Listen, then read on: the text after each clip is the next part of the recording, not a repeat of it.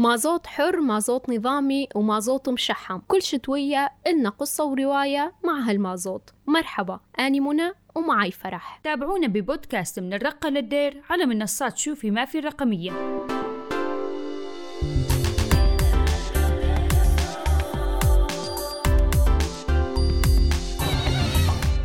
تعرفين فرح جت علينا موجة البرد الأخيرة وما كان بيعدنا نقطة مازوت الدفعة الأولى يلي استلمناها خلصت وأساسا هي كانت مدري شلونها. يعني مازوت هيطقطق كل الوقت وما نشوف إلا الصوبة تنفض من وراه. نحن بالبيت ضل عندنا شوي بس تأخروا علينا حيل بالدفعة الثانية. وصراحة متوقعين هالشي. الشتوية والبرد ومشاكل المازوت مو جديدة علينا. بس بالعادة ندبر حالنا. نشتري من بسطات من هون من هون. بس هالمرة بالزور تا يلتقى. مع أنه حصة الرقة اليومية من المازوت زادت ل 34 صهريج إلا أنه أسعار المحروقات ارتفعت بشكل عام والتموين لاحق البسطات يلي تبيعه بالعادة. وسمح ببيعه أو استلامه عن طريق الكومين أو الكازيات المرتبطة بلجنة المحروقات. إصدار بطاقة المحروقات وآليات التوزيع يشرح لنا إياهم هيدي الحمود من مكتب الخدمات بمدينة الرقة. من تاريخ أو مع بداية العام 2020 بدأ العمل من إدارة المحروقات في الرقة بإصدار بطاقة محروقات هاي البطاقة تشمل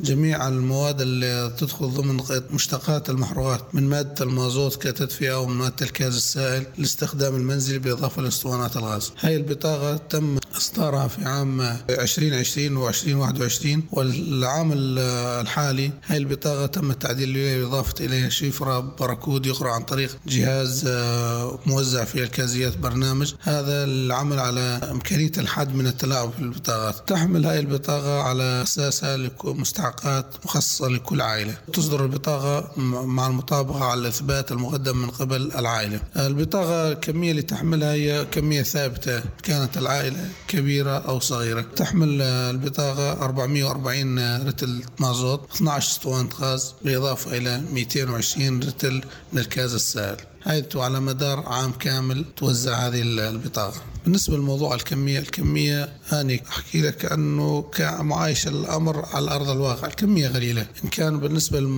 للمادة المازوت اللي بخاصة للتدفئة ولا إن كان بالنسبة للأسطوانات الغاز. أسطوانات الغاز مثلا على سبيل المثال مخصصات أسطوانات الغاز 12 أسطوانة خلال العام. يعني معدل أسطوانة واحدة لكل شهر. لكن لاحظ على عمليا الأسطوانة ما ترجع للمواطن ما يقارب شهر ونص أو أحيانا شهرين. فالكمية قليلة أما بالنسبة لموضوع كمية التدفئة فهي قليلة ما في يعني بدون نقاش الموضوع قليل إحنا منطقتنا منطقة مناخها صحراوي يعني البرد برد والحر حر لكن موسم البرد عندنا جاف ما في جو معتدل أو رطب وما في إنما جاف وبارد قاسي يعني. فتلزم تكون كمية التدفئة أكثر من ذلك أما بخصوص تسألتني عن موضوع إنه بإمكان إنه زيادة الكمية للمراحل القادمة أو في خطة مدروسة لهذا الأمر؟ هذا الأمر عائد للإدارة العامة للمحروقات في الشمال السوري لتحديد مخصصات كل عائلة. أما بخصوص توزيع التدفئة فإحنا الخطة بشكل عام هي توزيع على دفعتين دفعة أولى يقبض يستلم المواطن برميل والدفعة الثانية بمجرد الانتهاء من حي أو قطاع أو مثلا إحنا بالمدينة مجرد الانتهاء من توزيع الدفعة الأولى بمجلس من مجالسنا نبدأ بالتوزيع الدفعة الثانية. كما حصل عندنا مجلس الشهيد أحمد الجانب اللي انتهى من توزيع الدفعة الأولى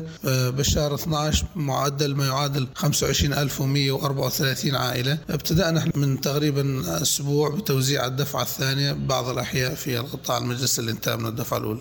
أما بخصوص النسبة المئوية اللي رقم نسبي الكمية اللي توزعت كمدينة أو ريف يعني ما يقارب ال 90% 90% هي كدفعة أولى. يعني ما أدري ليش مو كثير متفائلة بفكرة بطاقة المحروقات. تذكرني بالبطاقة الذكية والأزمات يلي تخلقها بمناطق النظام. مع أنه بصراحة وعن تجربة وبعد ما جربت العيشة بالمنطقتين فالوضع من حيث المحروقات وتوافرها أبدا ما يتقارن. ووضع الخدمات زاد أفضل بكثير من مناطق الحكومة. لكن ما نقدر نقول إنه مثالي مية بالمية وأكيد نتمنى إنه يتطور. والله ما أعرف يا منى. أتمنى يجي اليوم اللي نقارن حالنا بالأفضل. أكيد نحن واعيين ومقدرين الظروف اللي مرت علينا. علينا بس من حقنا على الأقل يكون عندنا الخيار حتى لو على حسابنا توافر الأساسيات. إن جيتي للصحيح كان المفروض من زمان ومن قبل الحرب التدفئة تكون مركزية مو على هالصوبة اللي من أيام حبابتي وحبابتك. توزيع المازوت بالرقة بلش من شهر أيار الماضي إلا أنه بناس استلمت وناس لا. عدا عن المشاكل يلي صارت وكركبت الأمور أكثر. خلونا نسمع من الأهالي عن هالموضوع. والله التدفئة كويسة يعني إن شلون بس شو فيها سيئة أول دفعة جت لناس وناس ناس جت ناس كويسة ودفعة نحن والله سيئة. تقيل وما ينزل يعني كأنه شحم. بالنسبة للتدفئة يعني بالنسبة للمازوت يعني كويس المازوت. يعني بشتى المجالات يعني ماشي حاله كويس مقبول يعني. أنا عندي فوكس أشتغل عليها وقاعد أعبي لها مازوت يعني سيء جدا المازوت سيء لأسوأ درجة. يعني يلا نشتغلوا على هالفوكس نطالعه نحطوا أعطال على هالفوكس من ورا المازوت. المازوت زي على موجب هالوضع وهالحرب وهالاوضاع هاي والناس ما عندها وإحنا عندنا مو الحمد لله بمازوت؟ لا بالله المازوت زين. والجيران كلها حمدت من المازوت الدفعة الأولى. إن شاء الله يكون مازوت الدفعة الثانية مثل مازوت الدفعة الأولى.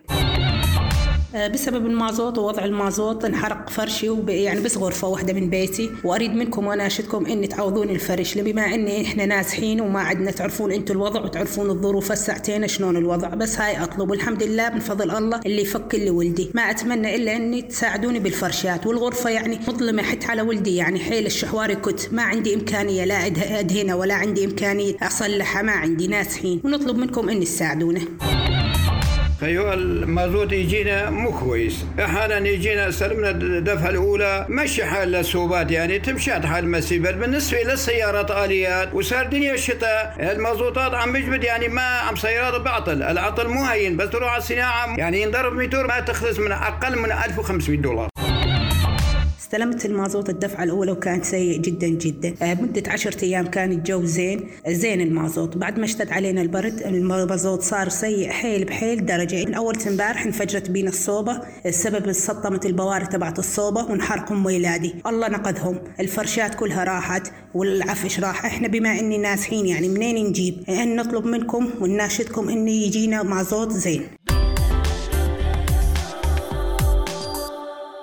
لا مازوت ولا تدفئة عند بعض هالناس بعز هالجو مربعانية الشتاء مو جديدة وتبلش من 21 كانون الأول. بس هالمرة شكلها خمسينية أو ستينية. حتى على حسب عدة مواقع إخبارية إنه هالشتوية أبرد شتوية مرت على سوريا من سنة 1950 لا وفوقها يا فرح يلي استلم مازوت طلع بجودة سيئة. أو إذا عنده آلية خربت من وراء. يعني شر البلية ما يضحك. وهالشي صار مع عبود من هالجين يلي رح يشاركنا قصته. المشكلة اللي عم نواجهها هسه حاليا هي رداءة نوعية المازوت. يعني أنا التركتر الصبح أقعد قبل ساعة قبل الساعة سبعة بيجي ساعتين بس أقعد أسخن مي منشان أحط على التركتر تا يشتغل. وهاي بشغلات ثانية يمكن يشتغل ويمكن ما يشتغل. وشغلة ثانية ما نلحق نصلح طرمبات المازوت والبخاخات. يعني هذول ما شاء الله مرتزقين أهل الطرمبات من وراء المازوت اللي يقدموا لنا إياه. يعني والله ما له علاقة بالمازوت. أساس المادة مو مازوت. يعني مجمد أحيانا تضطر بإيدك تسحب المازوت من البرميل أو بعود أو بأي شغلة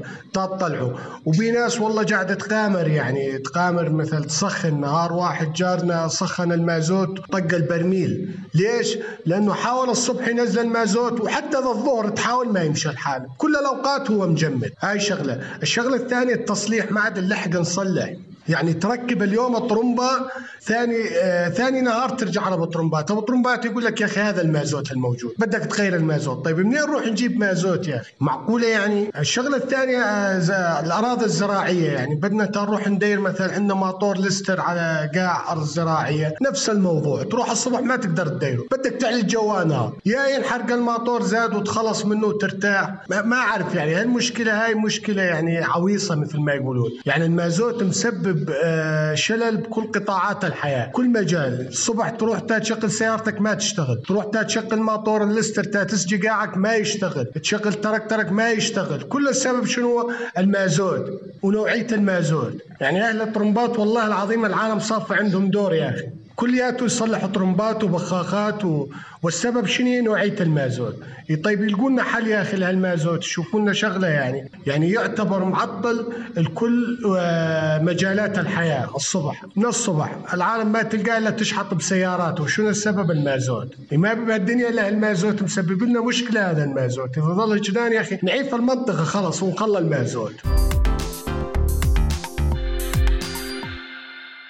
الناس تلجأ لسيارات المازوت لأنه أوفر وأرخص وفعليا المازوت متوافر أكثر مقارنة بالبنزين وأزماته بس أضرار هالسيارات على البيئة والصحة العامة أكثر. صحيح أنه الآليات يلي تشتغل على المازوت كانت تطرح ثاني أكسيد الكربون أقل من اللي تشتغل على البنزين بس بالمقابل ينبعث منها كثير من الجزيئات الصغيرة وخصوصا أكسيد الأزوت وهي مسبب رئيسي لسرطان الرئة حسب منظمة الصحة العالمية. إجمالا مشكلة المازوت بالدير ما تتعلق بجودته وضرره بشكل عام بنقص ومشاكل ثانية بيه. لخص لنا إياها مراسلنا من ريف الدير بهالتقرير. تأخر وصول دفعة المازوت الثانية المخصصة للتدفئة في أرياف دير الزور الأمر اللي يزيد صعوبة الشتاء على الأهالي وخصوصا بعد وصول سعر المازوت في السوق السوداء إلى أكثر من ألف ليرة خصوصي أنه كثير الأهالي اشتكت من عدم استكمال الدفعة الأولى. مثلا آه، في مدينة غرانيج شرق دير الزور تم تسليم 60% من الأهالي بينما قسم منهم لم يتم تسليمه بحجة أن البطاقات لم تأتي من مديرية المحروقات أو أنه تم حذف الاسم في المديرية بسبب تكرار الأسماء كما أن هناك كميات كبيرة تم خصمها من كل كومين. وتم خلال الدفعة الأولى تسليم كل منزل من المنازل التي وصلت بطاقتها كمية 220 لتر من المازوت بسعر 20 ألف ليرة مع قيمة التوصيل للمنزل. وأما الدفعة الثانية في أخبار أنه بلشوا بتوزيعها بدءا من بلدة الباغوز آه، بالمقابل الأهالي قاموا ببيع بطاقات المازوت المخصصة من الإدارة وشراء آه، مازوت من السوق السوداء لأنه لا يصلح للتدفئة. أما بخصوص المازوت المدعوم للسيارات فعليه إشكالات كثيرة تتعلق بالجودة والنقاوة. وبسبب هالشيء الناس تتجنبه للسيارات لأنه بالشتاء يجمد وقد يسبب أعطال للمحركات. أما عن الارتفاع الكبير في المحروقات من أهم الأسباب هي عدم التنظيم بعمليات التوزيع وازدياد عمليات التهريب غرب الفرات. مؤخرا قد شنت قوات سوريا الديمقراطية عمليات كثيرة على سرير نهر الفرات وقد ضبطت كميات كبيرة من المازوت في كل من